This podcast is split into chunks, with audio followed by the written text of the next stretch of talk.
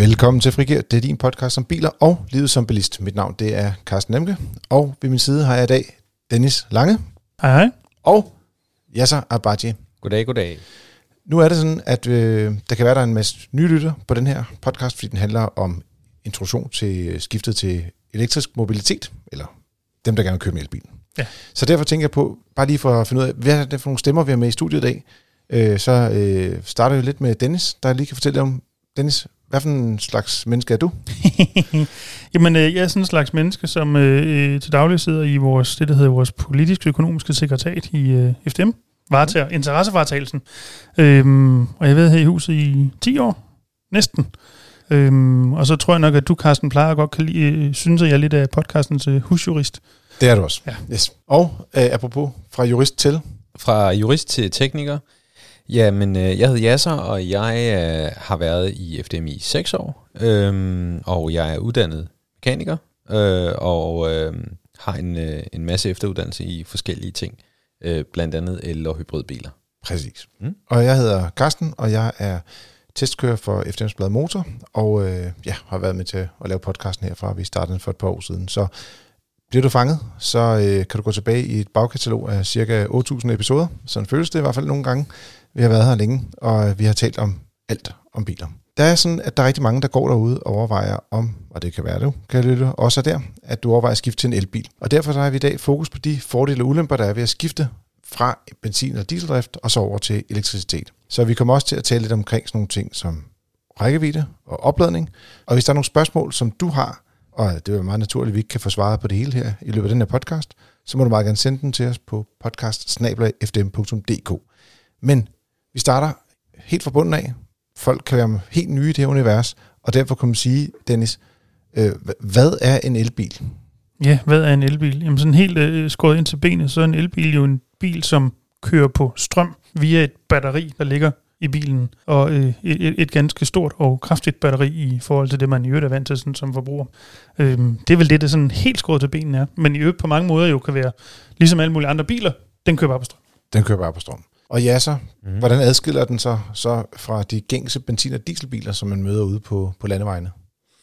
Jamen, den, den er jo anderledes i den måde, den er konstrueret på, og, og, og man kan sige, at det, det, at man er vant til at køre på benzin eller diesel, det, øh, det ved man, hvordan man plejer at gøre, og her der skal man ligesom ind i et, et, et nyt øh, mindgame, øh, og, og, og ligesom prøve at finde ud af, hvordan, øh, hvordan fungerer det at have en elbil. Man kan også sige, at der er rigtig mange gode ting ved det. Der er også nogle ting, som i hvert fald, altså hvor der er det forandring ikke fryder, kan man sige. præcis. Øh, så øh, vi starter med, med lidt fordele og lidt ulemper. Mm. før vi går over i de her opladning og rækkevidde emner. Så øh, vi starter med en af de klare fordele, synes jeg i hvert fald, der er ved at, at vælge elbil, det er, at øh, køreegenskaberne ved bilerne er faktisk ret fede. Jeg synes, de er meget stille. Altså ikke, at de er helt støjfri, men øh, generelt mere stille end andre biler. Og så er komforten faktisk næsten altid top, og jeg tror, det skyldes, at de her tunge batterier, der bliver nødt til at have lidt blødere affjedring for, at, øh, at bilen ikke ligesom, øh, ja, føles for hård på en eller anden måde. Jeg ved ikke hvorfor. Der, der er jo mere vægt, så der, den burde være lidt hårdere i det. Men jeg synes ofte, de får dem dæmpet på en måde, så de er mere behagelige at køre med. Er der nogle ting, er der, så du sådan tænker på med, med elbiler? Ja, jeg synes, at øh, elbilen er, er øh, dejlig at køre i, fordi at den er øh, meget respo- øh, responsiv. Altså når man træder på speederen, så sker der noget med det samme. Mm. Øh, og når man øh, også øh, for det meste slipper speederen, jamen, så sker der så det modsatte. Altså man, man kommer også hurtigt til stansning igen. Og det gør, at, øh, at, at man mere bliver med, øh, med et øh, med bilen. Så, så det er lig- ligesom en, en, en forlænget del af ens øh, læme, kan man sige. Så det er nemmere at køre elbil, synes jeg. Og man kan sige, forlængelse af det, så er der jo en bonus, man får med, når man køber en elbil, i og med, at de har per definition altid, hvad der svarer til automatgear. Mm. Du skal ikke bekymre dig om at skifte gear, når du, når du, øh, når du kører i en elbil. Øhm, og det er jo noget, som er, det tror jeg, vi alle tre her, hvis nok er enige om, øh, er, er super behageligt at køre med. Øh, det gør det hele meget lettere til hverdag. På en eller anden måde bliver man sådan lidt afhængig af det.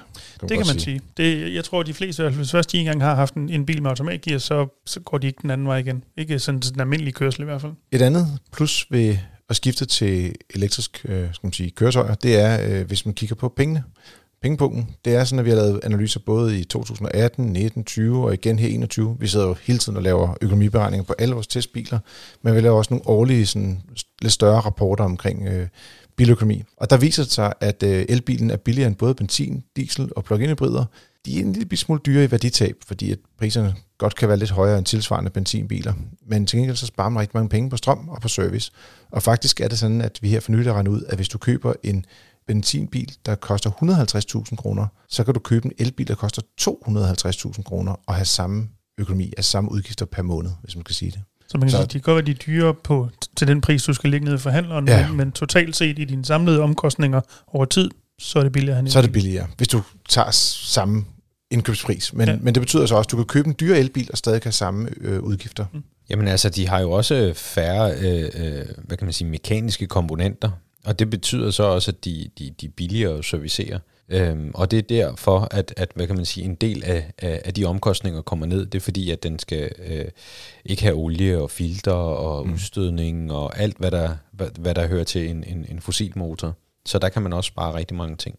Så kan man sige, selvom selvfølgelig en elbil, som vi nævnte lige før, øh, per, man kan sige, i indkøbspris, med en sammenligning for eksempel benzinbil er, dyre, øhm, så er det jo sådan, at kvad det danske afgiftssystem, så er der ikke nogen afgifter på stort set alle elbiler, i hvert fald hvis, hvis de koster under en 480.000 cirka.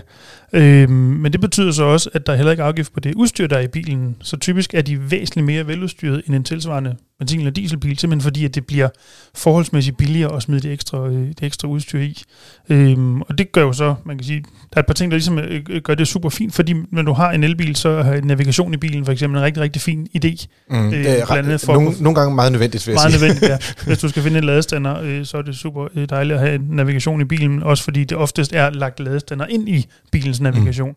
Mm. Øh, men navigationen bliver jo forholdsmæssigt billigere at have i bilen, end hvis det var en benzinbil, du skulle tilkøbe navigation til. Man kan også sige, at de har også ofte det her, øh, jeg ved ikke om man skal kalde det udstyr, men i hvert fald en funktionalitet i bilerne, det er, at de ofte er online, og det vil sige, at der er mulighed for, at du kan opdatere softwaren i bilerne. Man kender det især fra Tesla, som taler om, at deres biler ligesom har ændret øh, skal man sige, nærmest adfærd, øh, skærme. Der kommer nye funktioner i bilerne, og det kan vi også se på andre bilmærker. Det er sådan over the air, eller OTA. Helt på samme måde, som man kender for eksempel fra mobiltelefonen, at øh, ja, opdateringen ligger lige pludselig klar, og Præcis. så bliver det muligt sådan data også øh, automatisk installeret. Og, og det, der også er fedt ved, ved, ved elbilen, det er, at øh, man, man slipper for at skulle køre på tanken, øh, når man skal have strøm på. Mm. Øh, det er selvfølgelig noget andet, når man skal på farten, men, men, men i, i dagligdagen, så, så klarer man det ved at komme hjem og sætte sin, øh, nu snakker vi om mobiltelefoner, øh, bil til opladning, så, så, så det kender man fra, fra, fra alle de andre elektriske apparater, man har derhjemme. Så kommer man hjem, og så sætter man sin bil til at lade, og så er den klar igen øh, næste morgen. Man plejer at regne med sådan, som, som udgangspunkt, sådan generelt set, så mindst 90% af det omladning, du laver på din elbil, det gør du derhjemme. Mm. Selvfølgelig forudsat, man har muligheden for at gøre det derhjemme, naturligvis. Lige præcis. Ja, det var et godt segue til, til, til, til ulemperne. ja, det skal jeg nok til at sige, fordi det er jo sådan, at det, det er ikke øh, rosenrødt det hele øh, endnu. Øh, der er jo ikke nogen tvivl om, at øh, hvis man ser på det generelle billede, så kommer elbilerne til at være øh, de biler, vi kommer til at købe om 10-15 år. Der bliver ikke andet. Øh, indtil da, så er vi i den her Segway på vej også øh, generelt øh, bevægelse fra benzin diesel over mod, øh, mod strøm. Og øh, der er selvfølgelig stadig nogle udfordringer, fordi at øh, bilerne er fede, men der er også nogle ting, som vi kommer til at tale om senere, med især opladning og rækkevidde. Mm. Men det er så store emner, at vi har ligesom valgt at blokere dem til, til sidst, for der er både plus og minus over de, de, de dele, kan man sige. Men ja, så der er jo også en anden ting, man skal lære, når man bliver elbilist. Altså man får for eksempel en helt ny ordbog. Ja. Man skal lære en hel masse nye ord at kende, og det er blandt andet sådan noget som kilowatt-timer og kilowatt og faser og AC og DC og type 2 og CHAdeMO og CCS og så videre og så videre. Og alle de her ting, det, der, der tænker man sådan, uha, hvad, hvorfor skal jeg sætte, sætte mig ind i alle de her nye termer? Mm. Men, men som, som benzinbilist, så, så kender man jo også 95 oktan og 98 oktan og 100 oktan. Og, og liter. Og liter og alle de her ting. Og det betyder, at, at man ligesom skal, skal lære nogle nye termer. Og der har vi så øh, lavet en, en ordbog, en teknisk ordbog, hvor man kan se, jamen, hvad betyder de her forskellige ting? Hvad betyder et type 2-stik? Og kan jeg så øh, bruge det her type 2-stik til til for eksempel lynladning, eller kan man ikke, øh, og hvordan ser det hele ud? Kan så. vi lige hurtigt sige, øh, der er svaret er ikke? Nej. Type 2-stikket er kun til til hjemmeladning eller Lige til præcis, langsomladning ude. Lige præcis. Ja. Men, men, men der har vi den her ordbog, som man kan klikke ind og kigge på. Øhm, og hvis man har spørgsmål, øh, men, øh, så, så kan man selvfølgelig altid skrive ind til os. Skal vi lige kort sige, kilowatt-timer, som du startede med som det første, det er typisk øh, den mængde energi, som der ligger i batteriet. Man angiver batteristørrelsen med det.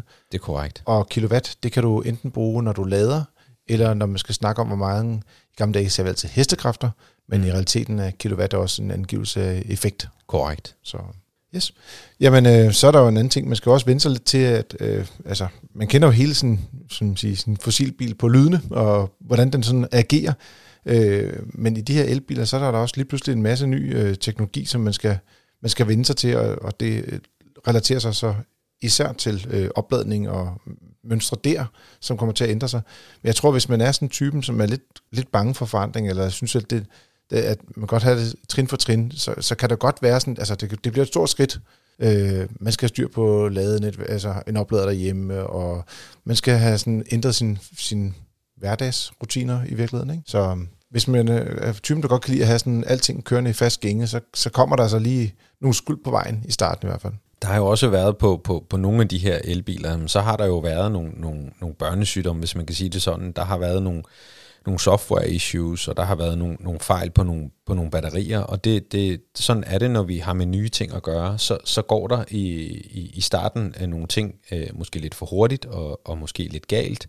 Øhm, men, men det er noget, som, som løbende bliver opdateret, og vi- ser blandt andet sådan noget som, øh, som Hyundai Kona, øh, som, fik, som fik skiftet øh, batterier, fordi Mhm. mm-hmm. der har været nogle, øh, noget kontaminering af noget, nogle, nogle celler øh, i batteripakken. Øh, men, men det er heldigvis noget, der bliver håndteret. Øh, og, og vi har også set det på sådan noget som Ford Kuga eksempelvis. Men, men, men det er rigtig vigtigt, at man ligesom også øh, køber bil efter temperament og, og ser øh, på, hvordan ser det ud med de her garantier på de forskellige biler. Fordi det er også en, en, en væsentlig faktor, når man kører, kører elbil, at man kender dækningen, øh, fordi at, at de fleste er, er bekymrede for eksempel for, for batteriets levetid blandt andet.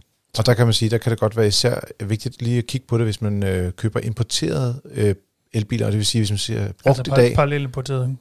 Nej, nej, jamen jeg tænker ikke parallelt, jeg tænker brugt importeret, sådan Mm, okay, okay, 6 fair nok. måneder gamle biler, eller, mm. ja, men teoretisk set også parallelt importeret, men jeg synes bare, man ser flere brugte biler, der lige har, har fået et, et, et tilskud fra den tyske stat, mm. eller den franske stat, eller den øh, svenske stat, og så kommer til Danmark et halvt år senere.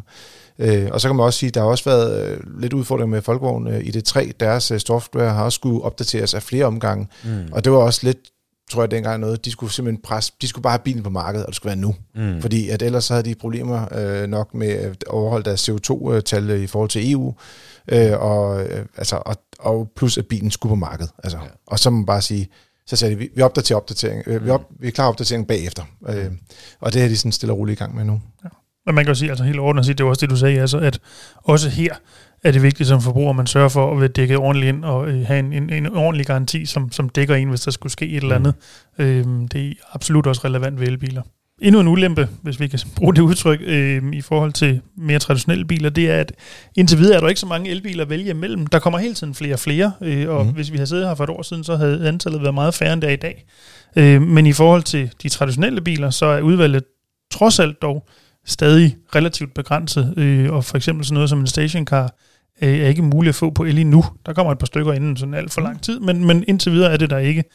Øhm, og så når vi kigger på de biler, som vi danskere typisk køber rigtig mange af, altså de billige biler, så er det lidt sparsomt, hvad man kan få med, med el på, i hvert fald hvis det skal være, være spritnyt. Altså det der en, øh, en mikrobil til en 100-120.000, så skal den ikke være el. Øh, for det kan ikke lade sig gøre. Ikke endnu i hvert fald. Der, der er lige, jeg tror, Dacia er kommet ind med en Spring, øh, men, men der må man også sige, at øh, skal man sige, præstationerne på den bil er også, altså, øh, ja, hvor man kan diskutere, om der er tale om en bil, eller om der er tale om et, et, sådan et, et bytransportmiddel, eller sådan et avanceret løbehjul. Og som jeg så husker, deres, deres prisliste, så rinder du også meget hurtigt op i en 140 stykker eller sådan noget, før Ja, det sådan fordi der er noget udstyr, man bør have med i bilen, før den, den er, som den skal være. Øh, Præcis. jeg kan også sige åbne biler, cabrioleter, øh, sportsvogne. Altså, der er noget, det er ikke fordi, det er det største segment, men det er bare nogle af de biler, der ikke rigtig findes. Øh, I hvert fald ikke øh, cabrioleter. De findes ikke endnu. Ikke nu, nej. Og der har vel kun været en, har der ikke? Altså den oprindelige Tesla var jo en åben bil. Jamen, det var en roadster. Hed den ikke bare en Roadster? Var, var det også rent faktisk en Roadster? Ja, det var ikke en cabriolet. Ah, okay. Ja, Sorry. Så, ja. Jamen, det er sådan lidt... Det, jeg tror, i øvrigt, øh, der er sikkert flere fraktioner her, men jeg vil bare sige, at cabriolet er typisk, vil jeg sige, det er sådan nogle, hvor der er plads til mere end to i. Det er måske men, rigtigt. Ja, men det er igen et definitionsspørgsmål. Så, Du skal vide, hvad du taler om, Dennis. nej, nej. det, jeg siger bare, det, det men, men der er i hvert fald ikke fire personer, der skal cabriolet i øjeblikket. Nej. En anden ting, der også øh, savner lidt, i hvert fald på nogle biler, det er anhængertræk. De, især de mindre elbiler kan faktisk ikke trække noget. Det er på, på 0 kilo på krogen, så at sige. Nogle af dem kan få sådan en cykelholder, øh, men ellers så er der begyndt at komme et par stykker, der kan trække sådan 1000 kilo op til, til 1600 kilo. Der er også nogle, der kan trække 1800 kilo, og jeg tror faktisk lige, jeg så den. Jeg er lige opdateret, at vi har sådan en liste øh, over, øh, hvor meget elbiler må trække. Den, der må trække mest, jeg mener, det var en, en BMW, der må trække 2500 kilo. Det er det, det, er det højeste, jeg har set indtil videre. Det er også Så- pænt, uanset hvilket drivmiddel vi snakker om. Det er pænt. Ja, men det er også en elbil, sådan en iX'er, der kommer og som kommer til at koste boksen, så jeg vil Ja. sige, den skal også kunne trække så meget. Ikke? Så, Men det der, er pro- det, der er problemet med de her biler, selvom de har en, en, en høj trækvægt, er, at, at de ikke formår at komme langt alligevel. Mm. Øh, og man kan sige, du har kun det her batteri, og hvis du har en rækkevidde, som er på eksempelvis 500 km, jamen så kan du forvente en halvering af den, når du, når du har fuld læs på. Så, så træerne vokser ikke ind i himlen, desværre, selvom man må trække mange kilo. jeg har lige talt med en øh, elbilsejer, der havde været på campingferie med sin Model 3, og så en, skal lige sige, den må så trække 1000 kilo, så det var en, en, en lille, øh, hvad skal man sige, øh, campingvogn, han havde med der. Øh, men, men det var sådan, de har jo cirka 400 km rækkevidde på, på motorvej, øh, lige godt. Og han kunne køre sådan lige godt 200 km, når han kørte med elbiler. Det Mm. passer, altså med, undskyld, med campingvognen, det passer meget godt med de tal, du også giver der. Men det kan bilen jo ikke finde ud af. Så den siger jo stadigvæk, at rækkevidden er 400 km, fordi den ved jo ikke, at den har en campingvogn bagpå. Og den. Nej. måler ikke sådan, du ved, forbruget, mens den kører, så man skal lige være lidt opmærksom lige der i hvert fald. Mm. Men i virkeligheden er det jo på mange måder, ligesom hvis man spænder en campingvogn bag ved en diesel-benzinbil, det gør også pænt meget for, øh, for, for bilens forbrug. Men naturligvis er det jo så nemmere og hurtigere at komme videre, når du lige har været inde på tankstationen med en Mm. traditionel bil, end når du lige skal smide strøm på batteriet. Der er også forskel for, på at få halveret 400 km og få hal- halveret 1000. Jo jo, Ja. det var også. Og så når det kun koster 5 minutter. Så ja, lige for dem, der har de meget store campingvogne, der kommer der også til at gå lidt tid i hvert fald. Mm. Yes, jamen det var lidt om ulemperne ved at, at vælge elbil eller gå elektrisk. Øh, nu kommer vi til at gå over til at tale om rækkevidde, og øh, det er sådan, at rækkevidden øh, ser man næsten i alle biler inde i selve bilens display, altså instrumenterne. Så står simpelthen, hvor langt har du igen, øh, fordi så behøver man ikke at gå rundt og være nervøs for, om man er ved at løbe tør for strøm. Man kan også gøre det, hvis man er lidt øh, utryg, lige når man skifter over til en elbil, at man bruger navigationsanlægget, fordi der er mange af dem, der rent faktisk viser, hvor meget strøm der så tilbage, når du kommer frem. Så du ved, om du kan komme frem uden problemer, eller om du skal have lavet det undervejs. Mm. Og så kan man sige, som udgangspunkt, så kan man godt stole på de her WLTP-tal. Øh, det er sådan, at fabrikkerne angiver en, øh, en rækkevidde på bilerne, og den kan være sådan fra 300 til øh, 500 km. Og det passer egentlig meget godt, hvis det er, man kører sådan en blandet kørsel, og det hele bliver kørt på en dag. Men det er klart, der er en masse andre ting, som kan gøre øh, sig øh, gældende. Og dem kommer vi til at tale om lige om lidt. Men jeg vil sige, vi har gjort det i FDM-regi, at vi har lavet sådan en 110 km times motorvejsmåling, hvor vi bare kører, lader bilerne helt op, og så kører vi batteriet helt fladt. Og så ser vi, hvor langt øh, kan man så køre på en opladning. Fordi det er jo ligesom der, hvor det er, man får begrænsning i dag. Jeg vil sige, ved almindelig hverdagskørsel, by, landevej, lidt motorvej, der kommer man altså ikke på kant med, med de fleste elbiler. Der er nogle enkelte, som har nogle meget små batterier, men hovedparten af elbilerne, der har man altså ikke problemer. Ja, virkelig er det vel sådan, og det skal man måske også lidt vende sig til, at i modsætning til, kan vi kalde det gammeldags biler, elbiler plejer jo inde i byerne for eksempel performe ret fint, når det kommer til, til rækkevidden. Der bruger de ikke særlig meget strøm, øh, i modsætning til for eksempel en benzin- eller dieselbil, der Mm. godt kan øh, øh, gøre det decideret modsatte i forhold til brændstoffet. Men på motorvejene, der æder elbilerne så også batteriet ret hurtigt, især hvis man kører ved de høje hastigheder, altså 130. Mm. Øhm, så går det stærkt på Mm. mere end en måde. Og så er der så også øh, hele det her med, med, med, med kulde og varme. Jamen, øh, når det er øh, varmt, så bruger man øh, klimaanlægget, og det henter sin øh, strøm fra, fra højvoldsbatteriet. Og når det er øh, koldt, så vil vi gerne have varme i kabinen, og øh, så sidder der øh, noget, der hedder en, PTC, en PTC-varmer, eller en brødrester, kan man også kalde det.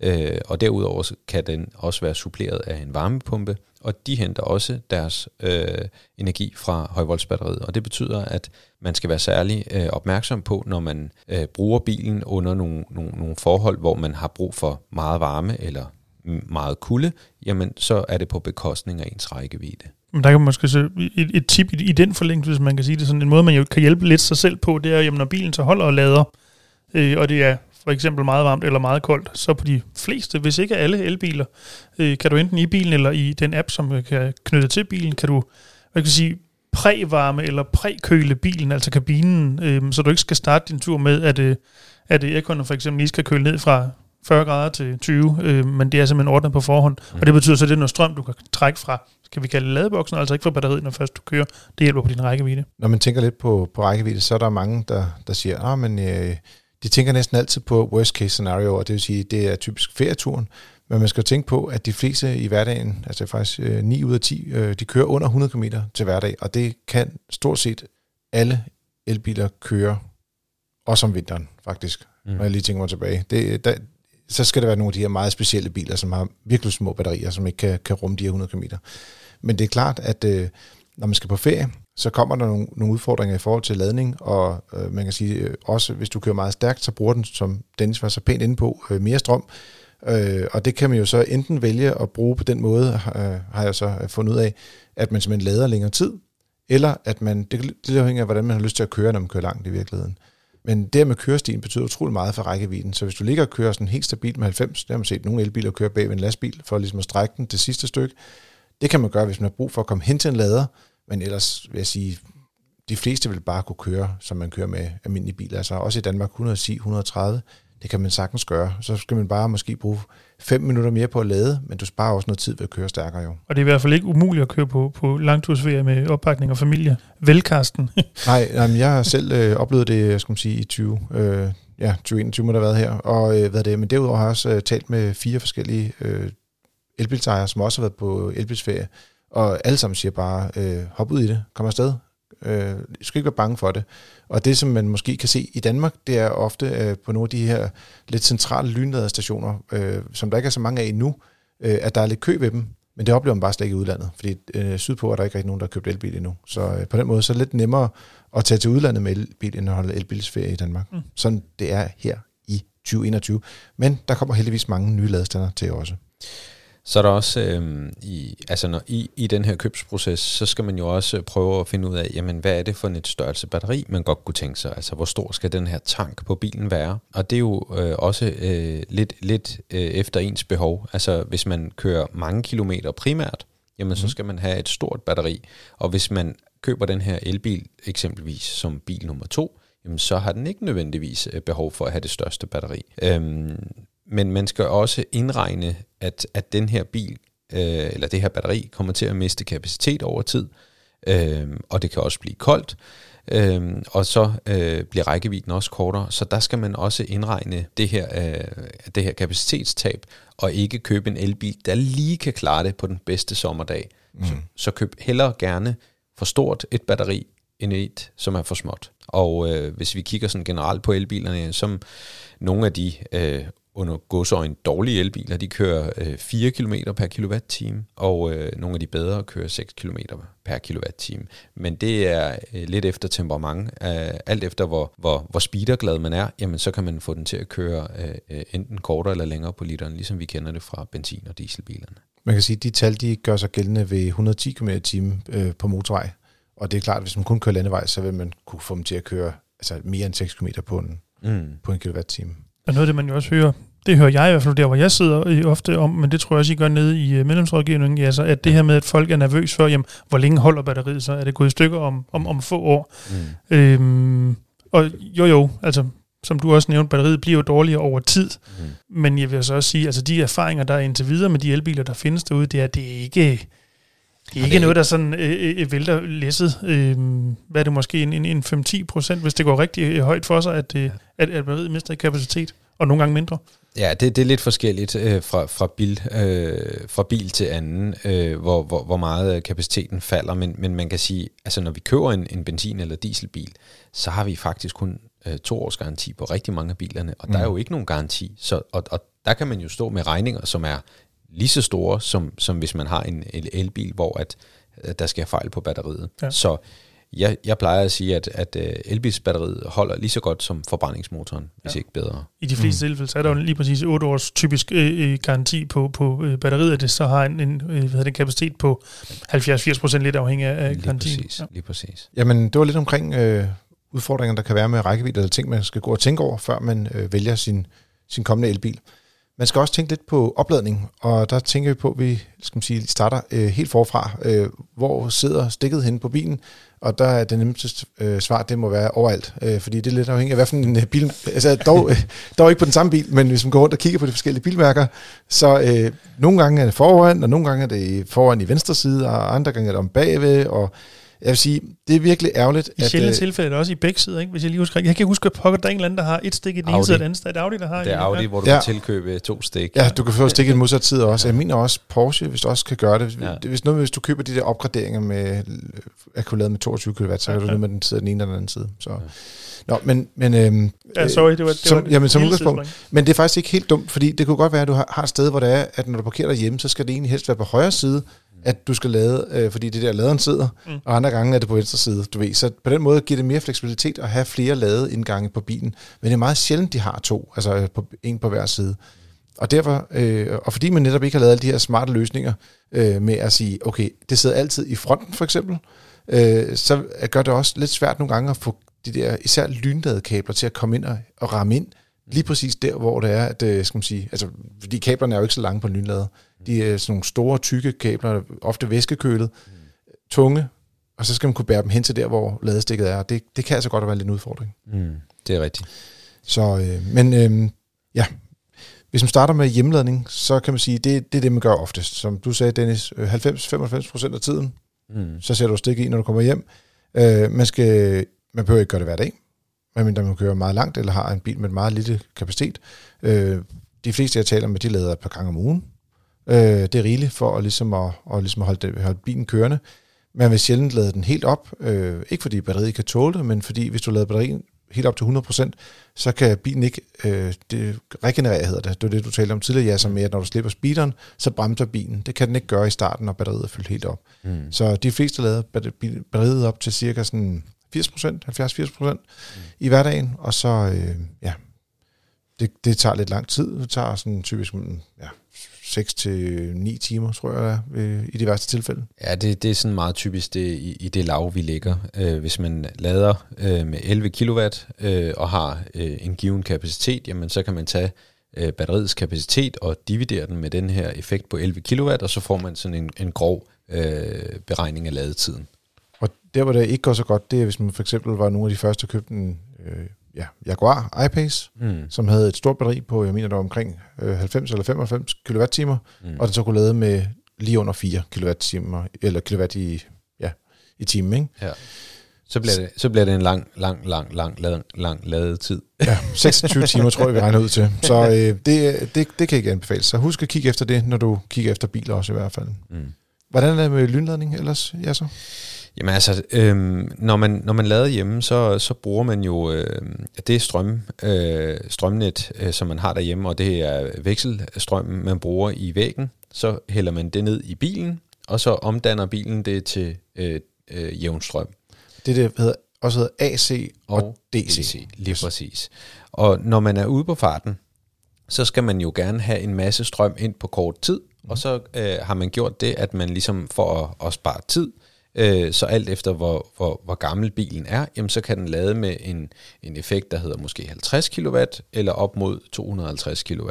Mm. Øh, og der tager man øh, strømmen øh, direkte konverteret og tilberedt ned til batteripakken.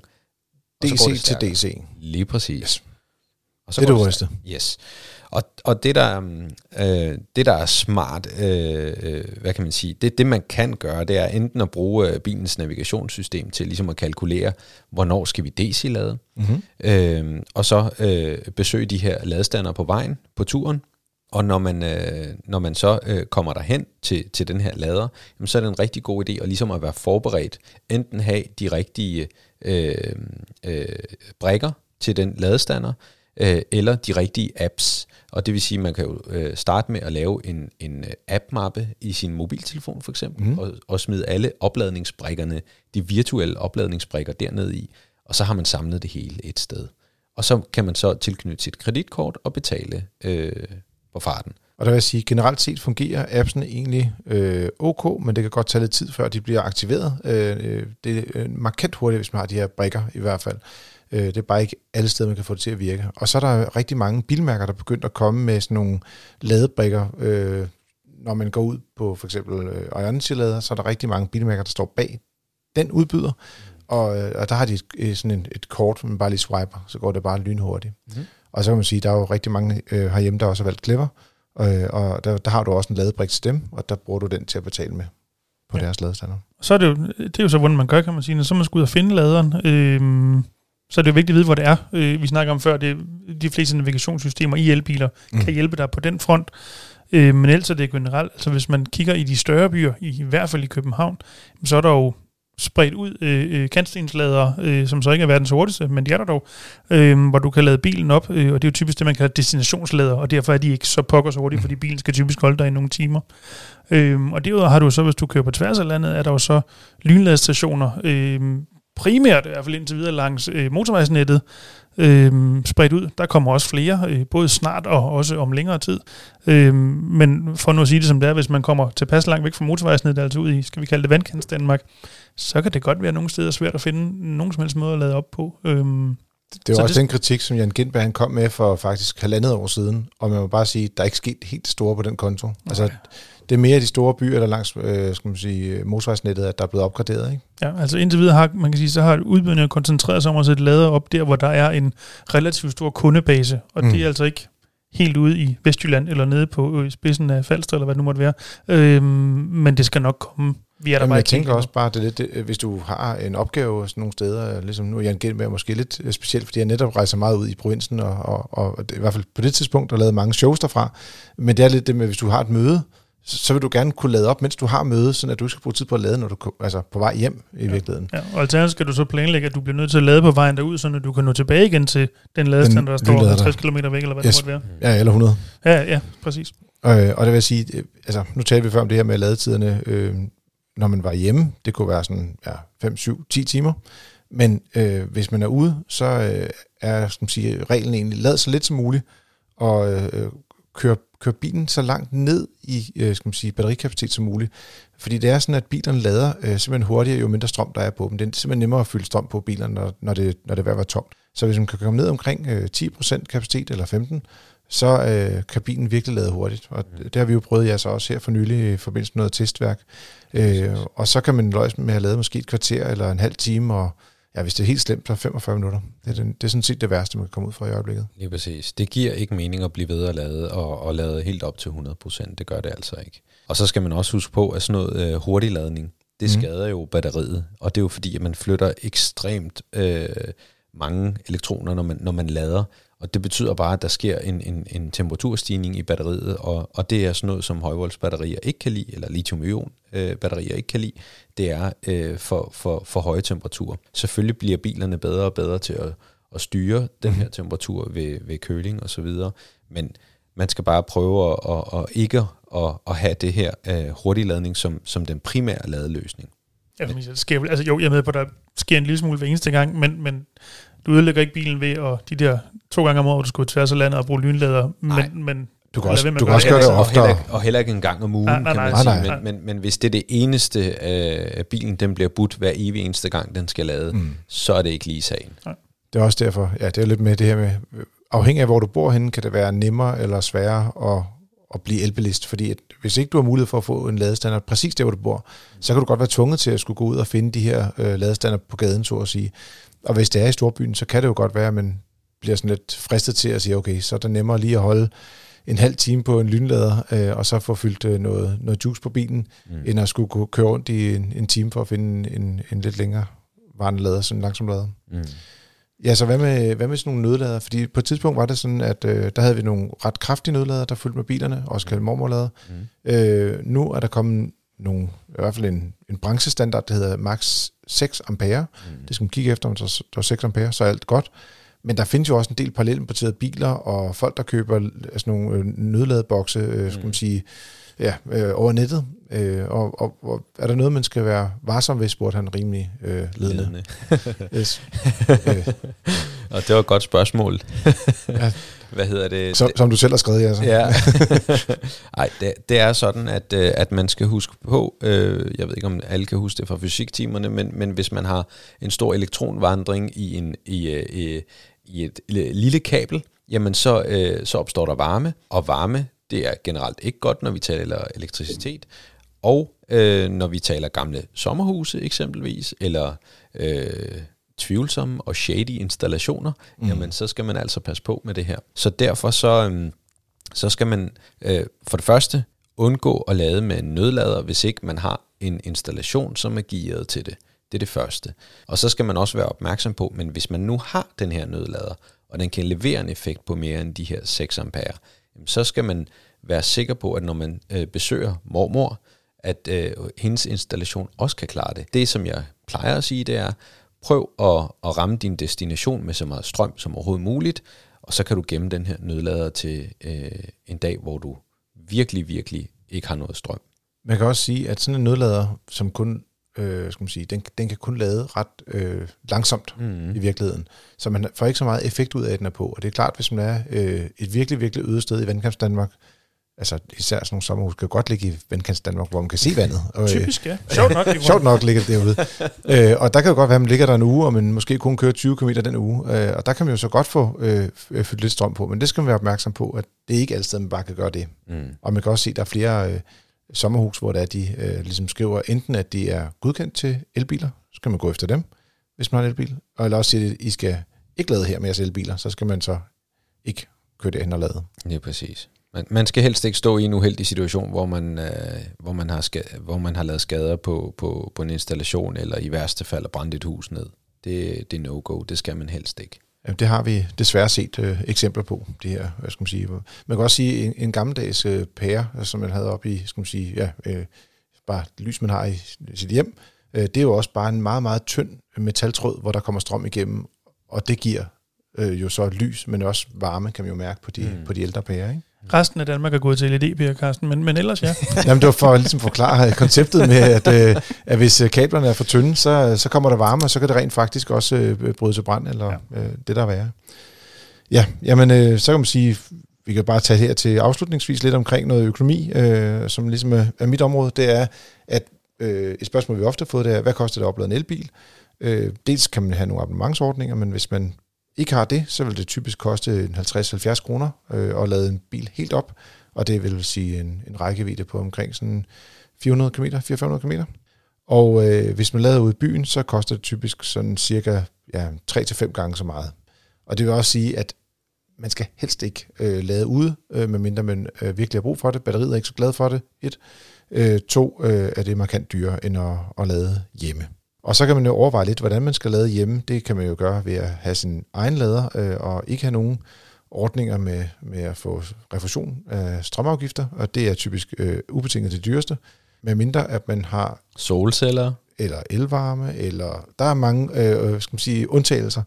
Det har vi skrevet en artikel om, øh, som øh, du kan gå ind og læse ind på, på fdm.dk. Men øh, typisk er det sådan nogle serviceabonnementer på bokse eller abonnementsordninger, som, eller Clever, øh, som er, er det økonomisk mest rentable, hvis man vælger en elbil. Mm. Så.